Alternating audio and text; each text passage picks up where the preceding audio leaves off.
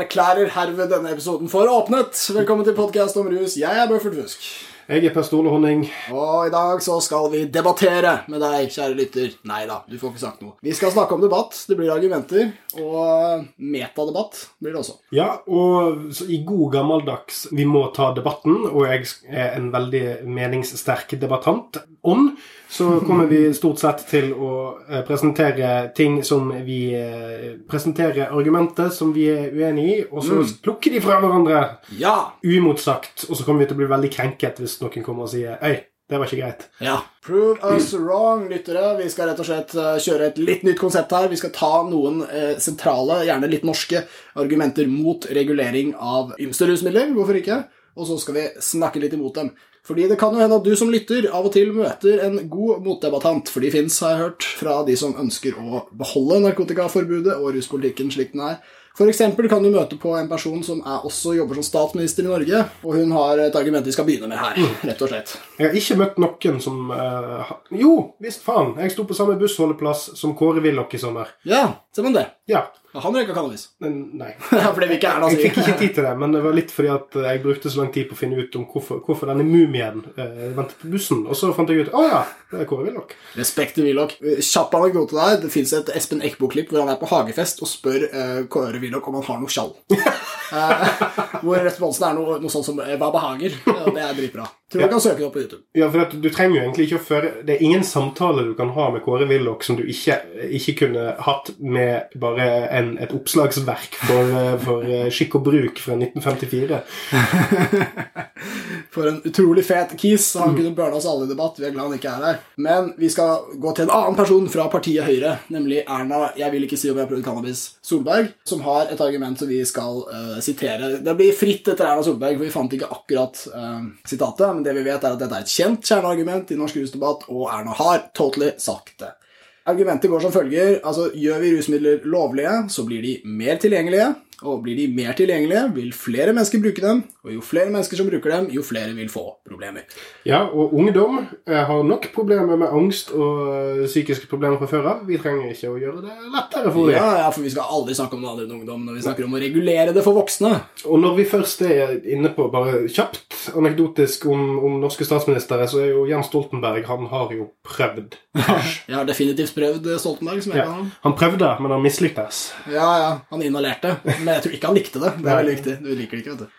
Fortsatt rom for den der 'jeg var ung og dum', og det var da jeg skjønte at det skal jeg aldri gjøre igjen. Det er den riktige måten å prøve det på. Nei, hva skal vi svare til Erna og andre som sier dette her? Altså, Dette er jo et argument som også legger grunnlaget for et annet, eh, en slags videreføring av argumentet som vi ofte møter på. Det er jo vi har jo allerede lovlige rusmidler på markedet i Norge. Vi har nok problemer med dem, og vi trenger ikke nye. Altså, Der trenger vi ikke å gå så veldig hardt inn i, i eh, essensen der, fordi altså, de er ikke nye. Nei. Det, det er egentlig bare svaret der. Eh, hvis du tror vi, hasj vil dukke opp når du tillater det, så tar du veldig feil. Vi kan heller gå på dette med rusmidlers uh, lovlighet og altså, vi har, Kontakt. Ja, så har vi delt dette opp. altså Dette spørsmålet stilles ikke alltid eller unnskyld, argumentet stilles ikke alltid som uh, leddvis, som vi har skrevet det her, men det er det det inneholder. Så vi har, går altså fra blir det lovlig, blir det tilgjengelig, blir det tilgjengelig, blir det fler, mer bruk, blir det mer bruk, blir det mer skader. Ja, Det er litt sånn som den der eh, tyggisreklamen på, på kino og sånn. Ja. Der det sitter en, eh, en skolejente og sier hvis ikke hun får tygge tyggis i timen, så får hun stygge tenner. Og hvis hun får stygge tenner, så er hun nødt til å gå til tannlegen. Og hvis hun Ja, går til tannlegen, så får hun fravær. Og får hun fravær, så får hun ikke lov til å gå opp til eksamen. Og da eh, så hun må tygge tyggis. Og den voksne personen i reklamen gir seg umiddelbart, for dette premisset var jo helt åpenbart sammenhengende og logisk. Ja, men som eh, min lærerkompis ville sagt, så er jo det bare komplett bullshit. Og den læreren burde få sparken på dagen. Absolutt. Det er bare en dårlig manusforfatter som ville vært så dårlig lærer. Det er, det, er- vi, vi må alltid passe oss uh, med premisser. Dette er et poeng vi kommer tilbake til. Men altså, når, når noen uh, argumenterer, så er det alltid en kontekst på det. Det er alltid et premiss på det. Premisset i dette tilfellet er jo selvfølgelig at rus er noe dårlig, og det kan vi på en måte leve med. Det som er vanskeligere å leve med, er alle disse sammenhengene som skisseres i dette argumentet. At uh, gjør vi rusmidler lovlig, blir de mer tilgjengelige. Der er jeg med. Det, Ja. det, det kan vi, altså For folk flest så blir nok det sant. Ja, for at, altså, hvis vi sånn, Tenk litt på personene man diskuterer med, og, og hva slags setting det er. For det som er, det som er problemet når man diskuterer egentlig hva som helst og er uenig. Så det er det at uh, man på et tidspunkt fort kan nesten innbille seg i kampens hete at alt som blir presentert til deg, er uh, en påstand som på en måte er sann. Ja. Som du er nødt til å på en måte forholde deg til eller snakke deg rundt. Ja. Uh, Men det er ikke nødvendigvis tilfellet hvis du da trekker deg litt tilbake og ser på hva er premisset, hva er oppbygningen, hva er den logiske røde tråden til motparten din her. Mm. Den logiske tråden akkurat her henger litt på greit. fordi at det standard legaliseringsargumentet er at disse tingene er lett tilgjengelig overalt allerede. Det er ikke, altså at, at ja, Kort og godt så ville det vært strengere regulert hvis det var lovlig i Norge enn nå, når det ikke er regulert i det hele tatt, og du kan få tak i overalt. Ja. Men det som er litt i kjernen av det argumentet vi snakker om, at det blir, blir lettere tilgjengelig for folk flest, det er nok litt sant. Fordi, eh, la oss si da Nå, begynner, nå bare bruker vi cannabis som et eh, argument her, og så kunne du slengt på MDMA og, og psilocybin og litt sånt, men det, de, de stoffene der, hvis det blir lovlig i Norge, så kommer det til å bli, nødt til å bli en utsalgsmodell som gjør at du får bedre kvalitet på steder der de tradisjonelt sett Yes. har måttet leve med skitt. Og personer som ikke ville ha oppsøkt uh, ulovlige markeder, Ja. vil kunne gå inn og kikke litt og se seg rundt. Norge er et langstrakt land. Ja. Så, så det, det er faktisk sant at flere folk vil kunne bli eksponert for rusmidler, eller forskjellige typer rusmidler. Det, Ja. det, det er faktisk en viss sannhet i det. Vi kunne også bare raskt slenge til at den, det de ville få tilgang på, det ville jo da vært renere. Altså, mange av disse rusmidlene er jo i vårt langstrakte land fra før. Kan godt hende du får MDMA i Finnmark, det får du sikkert. Men hvis staten hadde solgt det, så hadde jo produktet nødvendigvis vært renere. Det kan vi regne med. Du måtte riktignok kjørt seks timer for å komme deg til cannabispolet. Det, det har de godt av. vet. Det, det er sånn staten liker. På truge. Ja, fordi tilgjengelighet er jo så farlig. Men vi har allerede Der er vi med. Ok, blir lovlig, blir mer tilgjengelig. Eh, men blir de mer tilgjengelige, er det flere som vil bruke de? Det kan også hende det stemmer, men hvis det stemmer, så har det veldig mye å gjøre med den kulturen vi allerede har i forbindelse med dette. Nordmenn de tror jo at alkohol er trygt fordi det er lovlig. Altså, vi har en veldig stor tiltro til staten, og siden vi har det, så vil jo det kunne stemme at hvis staten plutselig bytter mening om et rusmiddel, så vil også befolkningen gjøre det, og vil kanskje i større grad prøve det. Jeg er likevel ikke helt sikker på om det stemmer, fordi det finnes mange tall i utlandet som tyder på noe annet. Jeg er åpen for at i Norge vil det skje i større grad. Men likevel så, så føler jeg at det er noe vi kan regulere med si, holdninger og, og vitenskap og etikk og liksom sånne ting. Så, så det har kanskje ikke så mye med rusmiddelet eller politikken å gjøre. Eh, kanskje politikken, men i hvert fall ikke rusmiddelet. Nei, og det har noe med Jeg tror kanskje det har mer med holdningene til de personene som står for gjennomføringen av det. Ja. Som kommer til å ha veldig Altså, for det, jeg, jeg har nevnt flere ganger tidligere min forakt mot holdningskampanjer og den slags type ting. Men det eh, f.eks. Norsk Narkotikapolitiforening er mest forbanna på eh, i rusdebatten i dag, er jo eh, legaliseringsholdningskampanjene som de mener foregår bl.a. av Unge Venstre og den slags type ting. Men det de egentlig beskriver der, er jo rett og slett bare endring i informasjonsflyt, og at folk faktisk har begynt å se på gamle saker med nye øyne. Ja. Eh, Det er ikke en holdningskampanje som er finansiert av den norske stat eller George Soros eller Nei. Donald Trump eller hvem enn du har lyst til å nevne i Ja. en sånn konspirasjonssammenheng. Det er bare det at folk har søkt seg til kunnskap Ja, sant? som er mer eller mindre gode pga. internett. Ikke sant? Som politiet sa, de er jo bekymra for at eh, ungdom får så mye info fra internett. Ikke sant? Ja, men Da må jo dere ha info å kontre med. Altså, Ja. Må jo ha en konkurrerende informasjonskilde. Den mangler jo i stor grad, eller har manglet, når det kommer til solid kunnskap. Eh, Der har jo internett faktisk lært folk mye om rusmidler som de ikke fikk vite av staten eller foreldre.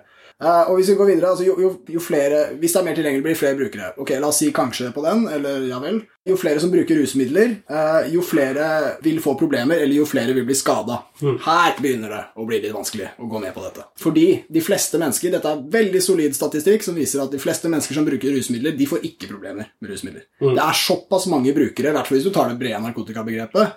Antall hasjrøykere veldig høyt, antall hasjrøykere som søker hjelp veldig få, osv. Så, videre. så det, er altså, det, det kan ikke stemme at det er en direkte sammenheng. Men jo flere som bruker, jo mer skader får vi.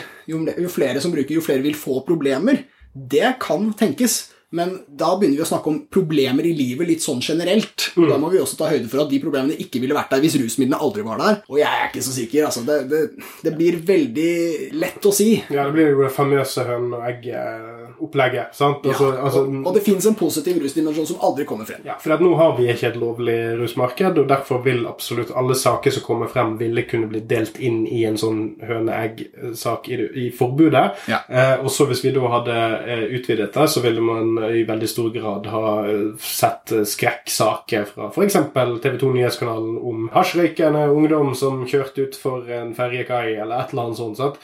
Men der må man igjen se på de, det større bildet. En, en, en sånn innvending vil faktisk kreve ganske eh, mye tallmateriale.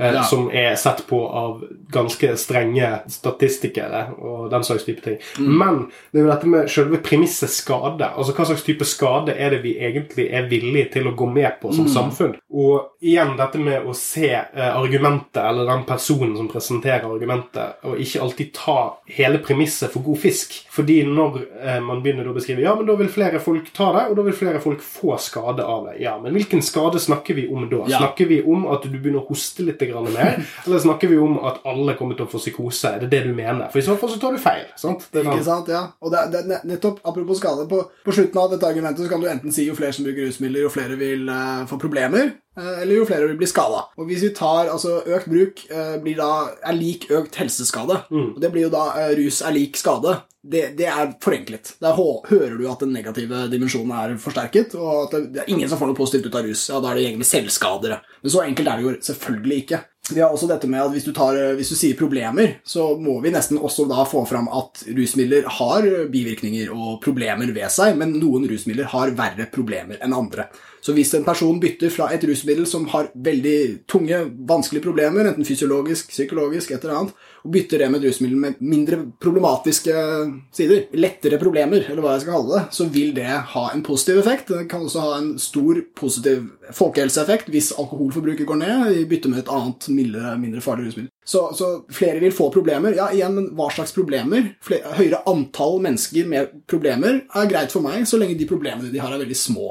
Ja, altså hvis, det, hvis eh, skadeeffekten er eksempel at du bruker fem minutter ekstra om morgenen på å komme deg ut fordi at du var akkurat så steid kvelden før at du glemte hvor du la husnøkkelen din når du var ute for å kjøpe ostepop, det vil jeg si er en ganske lav skade. Men da ville jo en eller annen samfunnsøkonom kommet eh, rasende inn i debatten og sagt ja, men tenk på, tenk på økonomien. Ja, ja. Fem minutter per cannabisrøyker, det er jo milliarder i uken. Ja, ja. De samme som lager studier på hva fyllesyke koster industriene. Så Ja. det er så mye penger. Som jeg òg ville si er en mye mer heavy eh, type ting. I alle typer arbeid. Jeg, jeg ser ikke for meg at baksteinhet har den samme konsekvente negative påvirkningen på absolutt alle eh, arbeidsplasser som jeg tror bakfyllhet har. ja, ikke sant.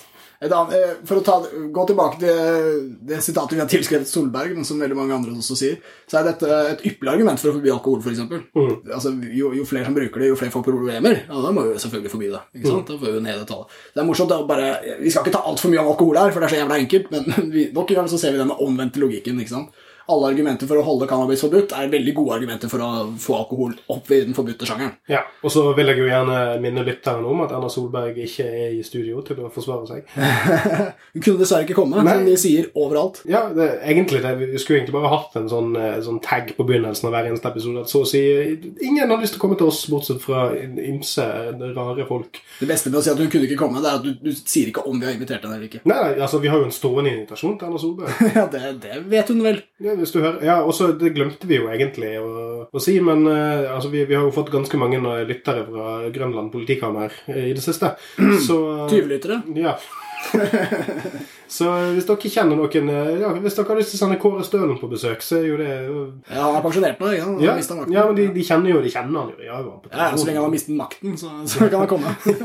Så lenge, så lenge håndjernene er hengt på, hengt på kaminen. Ja, nettopp. Han må levere inn de greiene der. Ja, ja. Nei, men det er bra. Da har vi um, håper jeg, gått gjennom det. Altså, dette argumentet har mange forskjellige ledd som bygger hverandre opp. Det er et premiss innbakt i det. Du vil ved å svare konkret på akkurat dette spørsmålet vedgå at rusmidler er lik problemer. og det er en forenkling. Eh, Vi vet veldig godt at folk ikke bare tar rusmidler for å ha det vondt, eller fordi de har det vondt. Det er masse folk som har det veldig gøy med dem. Skjønner at det ikke kommer frem her, men her så svartmaler man. Rett og slett. Dette er en slags stråmann, og vi har virkelig ikke grunnlag for å si det dette premisset inneholder. Vi, vi er mer glad i kjallmenn enn stråmenn. Vi tenkte å ta et annet argument som er kanskje ikke så kjent, men som ofte har dukket opp i den siste tiden, der man fokuserer da på tung bruk, problematisk bruk. Så det er ikke på en måte cannabis det viktigste i akkurat denne argumentasjonen. Men uh, ja, vi får bare hive oss på. Altså, Fremfor å bedrive skadereduksjon, ganske nytt begrep, tross alt, blant annet som inneholder å annet gi folk rusmidler, si heroinassistert mm. behandling f.eks. I stedet for å gjøre det, så bør vi hindre at de skader seg i utgangspunktet. Yeah. argumentet legger til grunn at det er litt for sent, på en måte. Altså, Vi burde ha vært der før. Men det, men det, er, veldig, det er jo fascinerende, siden vi er i en velferdsstat. Enn så lenge så er vi en velferdsstat. Uh, og at den, den, typen argumentasjon det, det er litt grann sånn som når du hører disse her voksne nå blir så utrolig bekymret for uh, helsesituasjonen til Greta Thunberg. Ja. Bare fordi at hun har fått millioner av mennesker til å bli med på klimastreik og sånn. Så er det sånn eh, men Da bryr, bryr, folk plutselig seg veldig mye om aspergers. Ja, ja, ja. eh, på, litt, på, litt, samme måte merker man òg det på rusfeltet eller rusdebatten. fordi at med en gang vi begynner å snakke om rus, så blir folk jævlig opptatt av mental helse. Ja. men stort sett ellers så kutter vi i tjeneste sitte og ja. plager vettet av folk og sier at hvis du ikke kommer deg ut i jobb, så vil du ikke nok. Ja. Eh, det er i hvert fall en, en pågående, tiltagende tendens. Eh, så det er, det er, bra at dere bryr dere om det, men på hvilken måte har vi egentlig jobbet som samfunn for å forbedre denne tilstanden for disse folkene generelt? Ja, nettopp. Det, det ligger i bunnen her. På en mer effektiv måte. For at, ja, du kan peke på de tingene der, men da må du faen meg jobbe med det generelt, og ikke bare eh, for å unngå mer, mer problemer som du kan demme opp med andre tiltak. Ja, nettopp. Og det, det er det, det håper jeg, enkle å ta tak i med dette argumentet. fordi det, det, bygger opp et ideal ikke sant, om at uh, ingen burde bli skadet, og det er jo flott, men vi er allerede inne på det som kan kalles for en utopisk argumentasjon. Verden burde vært bedre enn det den er. Og ja, det er vi alle enige om. Uh, folk burde ikke ha blitt skadet i utgangspunktet. Vi burde lage et samfunn der det ikke skjer. Helt enig. Men da er vi allerede litt unna rusdebatten, er vi ikke? Det fins veldig solid statistikk som viser at hvis du f.eks. har blitt utsatt for gjentagende, repetativt traume i barndommen din, mm. så er risikoen for at du får et veldig usunt rusforbruk, det er veldig, veldig høy. Altså Sammenhengen mellom de som har et alvorlig, tungt, eh, problematisk rusmisbruk og uh, barndomstraumer, er en sterkere påvist sammenheng enn sammenhengen mellom diabetes og fedme. Det er så solid, liksom. Og da må vi rett og slett lage et samfunn der folk ikke traumatiserer barna sine. da. Nei, og, La oss gjøre det. Jeg er helt enig, men skal vi begynne der? Fordi vi snakker om skadereduksjon for skader som er her allerede. Jo, for det er jo litt mors ikke morsomt, men det er jo litt interessant at du nevner fedme og diabetes og sånn der, og ja. traume. Fordi eh, det er jo òg en påvist sammenheng mellom sykelig overvekt og eh, traume i barndommen enkelte grupper som har blitt misbrukt som barn, f.eks., kan begynne å overspise pga. kroppshat og altså en, en, slags sånn underbevisst greie om å ikke være tiltrekkende for overgrep. Altså, sånn, mange mm. sånne rare mekanismer, som, forsvarsmekanismer som hjernen har satt i gang. Som er på en måte helt forståelige på sitt, sitt triste og for, ja, forferdelige vis. Det er det. Men du hører veldig sjeldent f.eks. Kari Jakkesson eller andre sånne trimfolk og folk som er imot tjukkaser, snakke om barndomstraume. De snakker om, om uh, folk som uh, er feite. Og litt på samme måte. Det, det, er jo, det, er jo, litt på, påfallende, syns jeg. Altså, det, vi, vi, vi, blander, vi blander ikke inn helsen, den mentale helsen til folk i mm. andre sammenhenger, stort sett, ja. i, i, i, debattene. Mm. Fagfolk kan gjøre det, men, men, eh, men, der er det et stort skille, syns jeg. Ja. F.eks. med fedme versus rus. Jeg, jeg, husker at uh, det er noen som har tatt opp dette her i rusdebatten i Norge før. Det var i hvert fall Sturla Haugstad med en annen skribent, om jeg husker rett som lagde en uh, kronikk for noen år tilbake som handlet om at hvis vi vil forebygge rusproblemer i samfunnet, så må vi forebygge uh, traumer hos barn. Mm. Altså, vi må rett og slett lage et samfunn der barn føler seg trygge. Og de klarte også å peke på det at det er mer enn rus dette er knytta til. Når det kommer til de verste problemene folk har i samfunnet, de livene som går helt, helt skeis med en eller annen, et eller annet tungtgående, dyptgående psykologisk problem, som f.eks. fedme eller f.eks. rusmisbruk, så er denne gruppen av mennesker som ble traumatisert i, repetativt i barndommen, de er overrepresentert som bare det. Det fins veldig mange mennesker som blir misbrukt i barndommen, som aldri får disse problemene heller. Mm. Men ser du på hvem som får problemene, så er det de. Og, og, det er rett og slett Det hadde vært flott å leve i en verden der folk ikke la oss si, trengte heroin for å leve videre, som mange tunge rusmisbrukere forteller. Men når de en gang er der, så er det faktisk veldig arrogant å si at ja vel, de burde aldri ha vært der. Ja, Men da bor du på en annen planet. Altså, Da har du i hvert fall ikke sett deg ordentlig rundt. Ja, for det er en sånn idealisme som ligger rundt dette. Det, det har jo litt med det rusfrie samfunnet å gjøre. Altså, sånn, det, veldig mye av dette feltet er egentlig staket ut, eh, eller liksom plattingen er lagd av den delen av befolkningen som egentlig har minst å bekymre seg om. Sånn, Mm. altså, det, det er folk i rimelig cushy middelklasseposisjoner ja. med makt og innflytelse som har fått lov til å tikke og holde på, og ser ikke så veldig mye av dette til daglig. Samme her i denne redaksjonen, for så vidt. Altså, det er jo ikke sånn at vi sitter og har så ekstremt mye dybdeerfaring på hvordan det er å bli misbrukt som barn, eller noe sånt, men det er det at vi har i hvert fall fantasi og empati nok til å tenke oss til at det ikke er så utrolig usannsynlig. Og det er flott at vi har som samfunn en, en visjon om en utopi, eller altså vi skal jobbe mot, men problemet med utopi er at de er umulige å oppfylle. Det er derfor de kalles utopiske.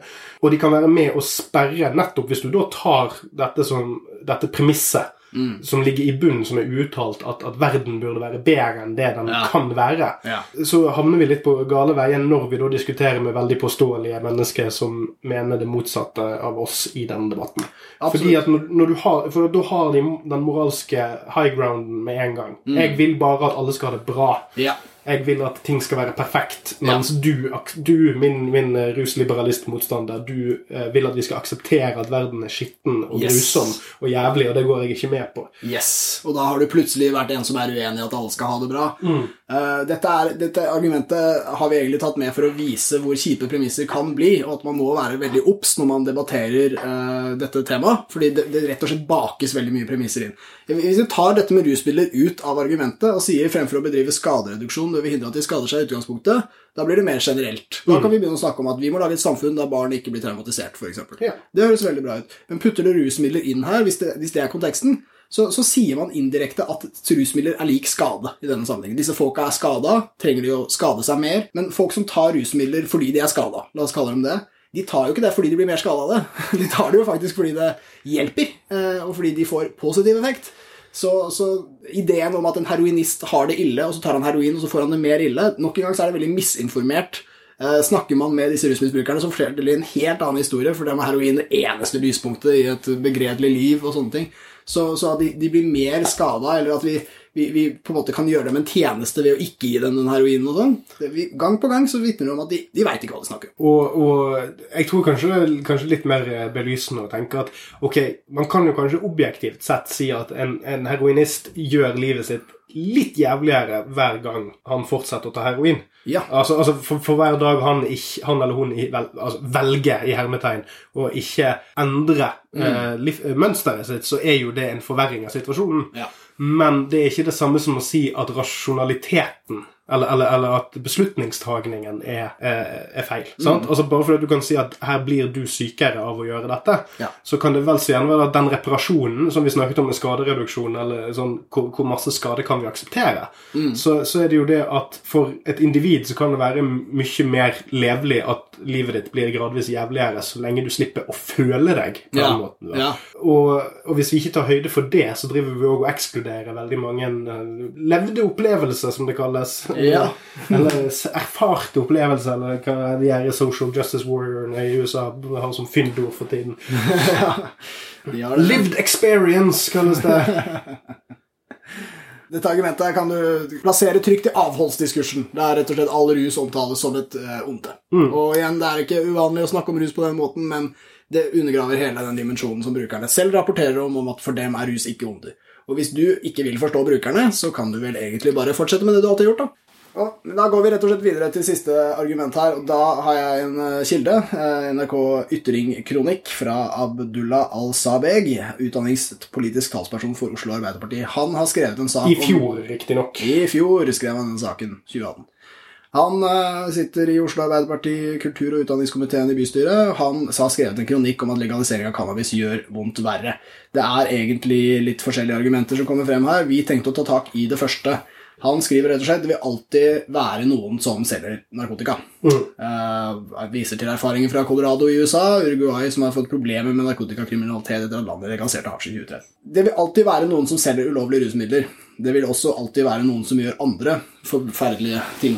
Eh, det finnes mange ting som kanskje ikke bør reguleres uh, fordi de er såpass store onder. Vi kunne kanskje sagt drap eller noe sånt. Eh, Det fins også folk som ville sagt dette om bordeller eller prostitusjon. At det er på en måte det er så ille at det heller bør være forbudt enn regulert. Er virkelig narkotika, alle stoffene. Ja, men eh, det, er, det er jo en, en gammel eh, Wesensten-sketsj, det der. Det, er- det er Rolf Wesenlund og Harald Heidesteen som har en sketsj der eh, Rolf Wesenlund intervjuer Harald Heidesteen som en, en nederlandsk talsperson for et eller annet når, de, har, når de har legalisert cannabis. Ah, Og så svarer han ja, men vi skal bare røyke litt cannabis. og, så, og, så, og så skal vi legalisere litt drap. Som da peker litt på hvor langt eh, samfunnsdebatten har gått siden to gamle tjukkaser ja. var det beste ja, for norsk. seg av det gode poenget Ja. på den tiden. Eh, ja, det er veldig bra. Altså, første som er fristende å ta tak i med, med argumentet her, er jo at vi har allerede hatt alkohol forbudt, og vi lærte ganske mye av det. Blant annet så vi at det kun var de sterke produktene som ble favorisert på det sorte markedet. Folk drakk ikke øl, de drakk sprit. Vi hadde bartenderkunst som fikk sin spede start ved å forkle smaken av veldig dårlig hjemmebrent, men som etter hvert ble en kunst som først løsnet da alkohol ble regulert, Ja. så man kunne utvikle bartenderkunsten. Og 60 år etter det så hadde Tom Cruise i en av sine gjennombruddsfilmer på 80-tallet eh, i eh, hovedrollen i filmen 'Cocktail'. Ja, den filmen er klippa i hjel. Altså, han sjonglerer jo ikke én flaske. Jeg bare se det, altså. Men, eh, men alkohol lærte oss at, eh, at det svarte markedet genererer vold. Det genererer ekstreme mengder kapital til de kriminelle, som ofte driver med veldig mye kjipere ting enn narkotika også. Det viser også at vi får mye mer skader knytta til bruken, fordi folk bruker det feil, de bruker det for mye, de bruker det på feil måte, altså alt mulig rart av feil de kan gjøre, det gjør de, og så videre. Og, og det at, altså det er også et veldig pinlig svakt argument å si at det svarte markedet vil bestå. Det vil jo reduseres betydelig. Altså I dag er det jo 100% som er det svarte markedet. Fordi at det, det han bruker som hovedargument der, er det at uh, selv med at tobakk er lovlig, så er 20% av uh, tobakksmarkedet i Norge eh, svart.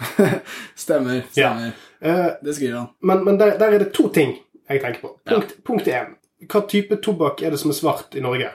Det er, jo, det er jo ikke grov, ubehandlet tobakk rett fra sumpene i Virginia, eller hvor faen den Nei, eller sånn Gudbrandsdalen, sånn Ne- lokal tobakk. Nei, det er, jo, det er jo snakk om smuglervare av andre legitime produkter. yep. Som er lovlige. Det er snakk om smugling fra Sverige og Russland, altså eh, Balkan. Så sammenligningsmessig her så er det jo, er det jo to vidt forskjellige ting. Altså, det ville vært at i et i et én-til-én-sammenligning ville vært at vi hadde i et legalisert eh, cannabismarked hadde vi gått fra eh, 0 lovlig andel til 80% Ja, og da ville du hatt et reelt forskjell, for der ville stort sett eh, smuglervarene være av dårligere kvalitet enn det du kunne kjøpt eh, legalt. absolutt. Eller i hvert fall mer usikkert. Ja, ja, ja. Og nå husker jeg ikke hvordan tallene er for smuglersprit i Norge, sånt, men folk er generelt sett ikke så jævla kine på å basere seg utelukkende på smuglersprit, selv om det er ganske fristende å kjøpe det. Det er nå en, en viss gruppe, men jeg tror ikke det sto eh, det. Nei, nei, nei. Og, og bare, bare prøv å se for deg kaoset hvis det bare var svart alkohol å få kjøpt. Du måtte møte en fyr på parkeringsplassen liksom, for å få alkoholen din. For noen gjerrigkanner med noe rumpesprit. Folk hadde ikke sluttet å drikke, og det hadde blitt jævlig mye verre. Men, men vi må også ta med dette med tobakk. altså det argumentet, Hvis vi snur dette på hodet, 20% av røykpakkene i Norge har kommet ulovlig inn. Det betyr at 80 av tobakken som røykes i Norge, er avgiftsbelagt. Sånn at staten får en massiv inntekt som vi kan bruke på helsetiltak mot den idiotiske vanen folk har med å banke i seg gift. Det er jo kjempeviktig at vi får inn noe penger her, og det er 80% av markedet er under vår kontroll. Det er jo knallbra. så vi får til det med cannabis. Ja, for der er du inne på det andre poenget jeg eh, rotet meg litt vekk ifra. og Det er jo det at hvor, hvor lav prosent er det, er det som er suksess her? Det, det etablerer Ja. man ikke. Ja. Altså sånn, Ok, 20% det er ikke godt nok. Nei. Ok, så 5-10 altså Kom med en, kom med en spitball, ballpark, eh, noe du vil ha, da. Ja. Det er liksom ikke Jeg, jeg forstår Man får sjelden eller aldri høre fra personene som snakker om at det vil i tillegg til et lovlig marked være et ulovlig marked, så får jeg du sjelden eller aldri høre hva ville vært akseptabelt. Fordi Ja. at Argumentet som ligger i bunn, igjen så er det dette med premissene de setter, Mm. som det er viktig å være bevisst på. Det er det at Premisset er at det skulle vært null, og det er umulig. Det er utopisk. Ja. Så det at du vil si ja til at det kan være så og så mange prosent svart marked, det, det er igjen en sånn implisitt du er en dårlig person som foretrekker at det er ondskap i verden, Yep. og du vil akseptere det, istedenfor at det kanskje er et bedre onde. Ja, og jeg vil ta, gå videre i noe annet som eh, skrives av eh, forfatter Abdullah her, og det er altså Han skriver også at Ikke alle stoffer vil bli legalisert, dermed vil kriminelle fortsatt selge de sterkeste stoffene. Der er det to ting jeg har lyst til å nevne. Det ene er at de sterkeste stoffene ikke er de mest populære. Eh, De milde selger mye bedre. Det er mye flere brukere, mye mer hyppig bruk. Eh, Det er de største markedene, de største pengene, de som staten vil ha, for å si det sånn. Den kontrollen som er viktigst. Det gjelder flest mennesker. Og ikke alle stoffer vil bli legalisert. Det vet ikke artikkelforfatter noen ting om. Jeg må bare si det med en gang at ja, det er mye vanskeligere å regulere kokain og amfetamin og sånne stoffer, men det kan vi få til, kjære politikere. Det krever langt vanskeligere reguleringsmodeller, men ideen om at det ikke går an, eller at det aldri vil skje, vel, det er i så fall bare politisk tafatt. Dere har verktøyene, dere må bare bruke dem. Men, eh, men bare for å få litt klarhet her, når du sier sterke og svake stoffer, så mener du ikke nødvendigvis det at den cannabisen folk vil ha nå, er mild. Den kan jo være sterk. Ja, altså, men det altså- er snakk om stoffene mot stoffet, ikke Jeg snakker om hard drugs mot soft drugs her. Altså, Ja, Når ja. han sier ikke alle stoffer blir legalisert, så antar jeg at han da mener som f.eks. kokain og amfetamin, Ja. ting som er ansett som å være sterke og farlige. Greit å holde tungen rett i munnen. Ja da, ja, det er bra, det. Men han har også en på slutten som, eh, av dette argumentet, hvor han sier at det vil alltid være et marked for cannabissalg som ikke kan fanges opp ved en legalisering, f.eks. et marked som retter seg mot dem som ikke er gamle nok til å kjøpe hasj og marihuana lovlig. Hvordan har de det i dag?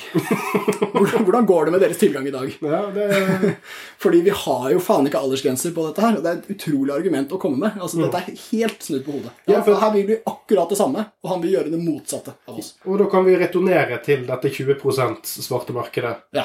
Og så kan vi flippe den på hodet og rette den tilbake igjen til avsender. Og det er da I dag har vi 100 Ja. eh, svart marked for tenåringer. Alle tenåringer som kjøper hasj i dag, 100% svart. ja. Er det, er, det, er det akseptabelt? Hvilket tall er vi fornøyd med? Ja, ja, hvilket tall er vi fornøyd med? Jeg tilbake der, Hvilke altså. tall? Fordi under legalisering vil ikke 20 svart marked for tenåringer vært en vesentlig forbedring, selv om det markedet hadde økt litt. Og nå snakker vi tenåringer, da ville jo det vært 18-19-åringer. Ja. Eventuelt. Kanskje vi skulle hatt 20-årsgrense på disse hasjpolene. Det kan du gjøre hvis Ja. du vil. Ja. Og da ville du fått det samme problemet med at eh, noen kjøper for de mindreårige. sånn. Men jeg tror det markedet ville snevret seg ganske mye inn. Ja. Det, ville, eller det spørs jo selvfølgelig på hvor mye gateprofitt det ville fremdeles vært, men det ville ikke vært 100% av tenåringsmarkedet. Ja, og, og tilbake til poenget nevnt tidligere. altså Ungdom er sårbare, og de trekkes alltid frem i rusdebatten. Men de er jo også sårbare for de andre forbudskonsekvensene vi nevnte. Ok, Kanskje det vil være 18-åringer som da kjøper si cannabis til sine vet du hva, 16 år gamle brødre. eller et eller annet. Men da vil jo den cannabisen ikke være smuglerspriten fra alkoholsvartmarkedet. Det vil jo være et hvitt produkt. Det vil jo ha en innholdsdeklarasjon. det vil jo ha Ungdommen kan jo da velge den som ikke er så psykosefremkallende. eller hva Det er for noe. Det, det vil jo være masse masse ting ved produktene og, og konteksten som gjør det lettere og mindre farlig for ungdom. Så, så her hopper man jo bukk over en kjempepositiv effekt som vi mangler i dag, og så peker man på det vi har i dag og sier Se her, det blir mer av det. Nei, nei, vi skal gjøre det motsatte. Vi Vi skal snu det på hodet. Vi skal ha aldersgrenser. Vi skal ha innholdsdeklarasjoner. Vi skal ha kunnskap som gjør at denne bruken blir minst mulig skadelig. Det kan vi ikke få når alle får straff. Eyes on target er vel debatt, eh, en, en god, en god eh, debatteknikk å ha i bakhodet. Og det spesielt de tingene vi har drevet og snudd litt på hodet her nå, er, er typiske eksempler for det. Med en gang man begynner å, å, å ta seg tid nok til å tenke gjennom konsekvensen av motargumentet, og ikke bare hoppe på den første tingen. Fordi Noe av utgangspunktet for denne episoden her er nettopp hvor vanskelig det noen ganger kan være med et argument. Fordi at det kan øyensynlig være fint på overflaten. Og noen av de er fine. Noen er, det er legitime som man skal ta høyde for. og sånn. Eh, men, men det at hvis du puster litt dypt inn, og så tenk litt over Ok, hva var det du sa nå? Jo, nå sa du at i den ene settingen at det er ikke greit med 20 svart marked, men du er greit med 100 svart marked der. er som den, den helt åpenbare tingen vi tok her. Ja. Dersom det er premisset ditt, så har du ikke tenkt nøye nok gjennom. Du har ikke, du har ikke en rød tråd gjennom argumentet ditt. Nei. Hastverksarbeid. Egentlig tror jeg det er greit å ha i mente når man debatterer med folk, at det er ofte sånn. Man, har- man, de, veldig mange som er veldig uenige om legaliseringsarbeidet, er faktisk ikke, har ikke tenkt så mye på det som det Nei. de tror. Nei. Og da gjelder det faktisk å høre på hva de sier, og prøve å, å bygge opp et argument basert på hva verdier de har. Ja, absolutt enig. Men jeg har spart en liten godbit til slutt, fordi vi nevnte nemlig alkohol. Og her er, eh, helt til slutt har jeg spart denne mandelen i grøten, rosin i pølsa, for vår eh, alkoholsammenligning. Jeg har aldri fått en rosin i pølsen. Jeg har aldri sett det engang. Jeg vet ikke hva som er så stas med deg. Ja, det må jo være helt konge. Men eh, ok, det vil, alltid, ja, det vil alltid være noen som selger ulovlige rusmidler. Ja visst gjør det det. Og så har vi dette eksempelet med alkohol, da, som tross alt var forbudt i ja, ikke så mange deler av Europa. Vi hadde det her i Norge, men eh, i USA var det forbudt. Europa har et høyt alkoholforbruk. Jeg vil at Vi skal først bare tenke litt på hvilke land som ligger innenfor EU-regionen. Der er det noen ganske tørste land. Jeg ser mot øst. Eh, Men Det er i hvert fall en god del svart marked. Vi kan jo anta at i EU så finnes det et ganske solid eh, sort alkoholmarked. fordi Vi har også vært inne på det at alkohol er veldig lett å lage. Mm. ikke sant? Det er ikke spesielt komplisert, og folk er veldig gira på det osv. Fattige folk er veldig gira. Kan lager de en dass. Lager i fengsel, lager overalt. Eh, Men her har altså Verdens helseorganisasjon gjort et, gjort et anslag for det som kalles uregistrert alkoholforbruk i EU. Dette inkluderer også den lovlige uregistrerte alkoholbruken, som inneholder da bl.a. taxfree-salg. Ja, og dette er et av de mest kontrollerte markedene i verden. Ja, og basert på norske erfaringer så kan vi si at taxfree er ganske mye eh, av forbruket. Eh, det er sikkert ikke så stort i andre land med lavere avgifter, men av dette, i, i snitt, så er altså det uregistrerte alkoholforbruket i EU det er 13% av totalforbruket. Ja, og da kan vi tenke Det er jo mindre enn 20 Det så da går det kanskje litt greit. Ja, Det er jo nærmere null. Nei, Da burde kanskje bare forby det og bli ferdig med Ja. Nei, altså Dette betyr at 87% av alkoholforbruket i EU er eh, registrert. Er rett og slett eh, produkter som er eh, accounted for i form av skatt og, og lignende. Eh, og Det betyr at vi har kontroll på det. Det betyr ikke at alkoholforbruket er under kontroll, for folk blir klin gærne og gjør det altfor mye. Men vi vet hva de drikker, vi vet sånn cirka hvor ofte de kjøper det. Vi vet jævlig mye som vi kan bruke for å redusere disse problemene. Og det er en seier. 87% av dette markedet, som er det mest populære, enkleste å lage, er under kontroll. Altså, Dette viser at regulering fungerer, og alkoholreguleringen i EU by the way, veldig kaotisk. Veldig forskjellig fra land til land. Ja, Og likevel funker det. Og det Vi har vi har også en del smuglersprit og øl og sånt i Norge, og sånt, men det er veldig mye av det kommer fra EU. Ja, sant? Så, Det billig der. Ja, så igjen så har man dette med grader av eh, svartemarked. sant? Altså Yep. Er det 100% ukontrollert fremstilt, altså er det ikke under noe som helst eh, form for kontroll, det er mest sannsynlig det, det de kan registrere her. Mm. Så ok, kanskje er det svarte markedet større i Norge, hvem vet? Mm. Men jeg vil regne med at det er Nei, jeg vil tenke det mindre, egentlig. Kanskje. tenker totalkonsum. Si. Men jeg vil tenke at en ganske stor del av det svarte markedet vårt her er nettopp eh, på en måte trygge smuglervarer fra andre EU-land. Uh, ja, ja, altså, mer, mer enn hjemmebrent. ja, altså, altså ting som er fremstilt på destillerier under ordnede formål, i det minste. Sant? Og det, det er en forskjell på det og, og, og rumpesprit, holdt jeg på å si. Ja. Det, og det er litt viktig å huske å ikke blande kortene når man snakker om disse. Absolutt. Basert på min ekstremt begrensede erfaring så mener jeg det har vært etikett på disse smuglervarene jeg har sett. For bare unnskyld at jeg sier rumpesprit, men det er bare veldig morsomt. Jeg vet at det er en ting som fins. Det er et ord som må med. Ja. Jeg føler det er greit. Ja, det kan liksom både være en sånn ting som du brukte å desinfisere prøverørskolbe med, og noe som er faktisk fremstilt i en anus. I fengsel. Jeg skal, jeg skal rappe opp uh, litt sånn debatttips med et uh, altså vi, har, vi har snakket om dette med å passe på premissene. Altså når, når folk stiller deg et uh, konkret spørsmål om eh, regulering av narkotika eller ruspolitikk, og så er det masse premisser i spørsmålet, så vær obs på dem.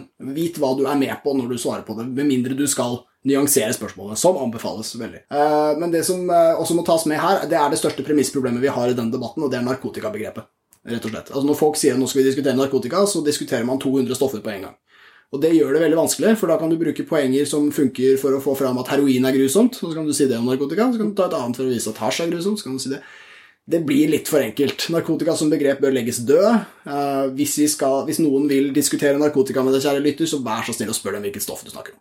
Ja, altså det, det er litt sånn som å gå på ski i fjellet. Spør om råd. Hør på Ja. kjentfolk. Hva diskuterer vi? Ja. Hva gjør vi her i Sleven, kjære kjentfolk? Ja, er det, for, er det bare for å gå der, eller er du har, skal, har du en endestasjon? Er det et sted du skal?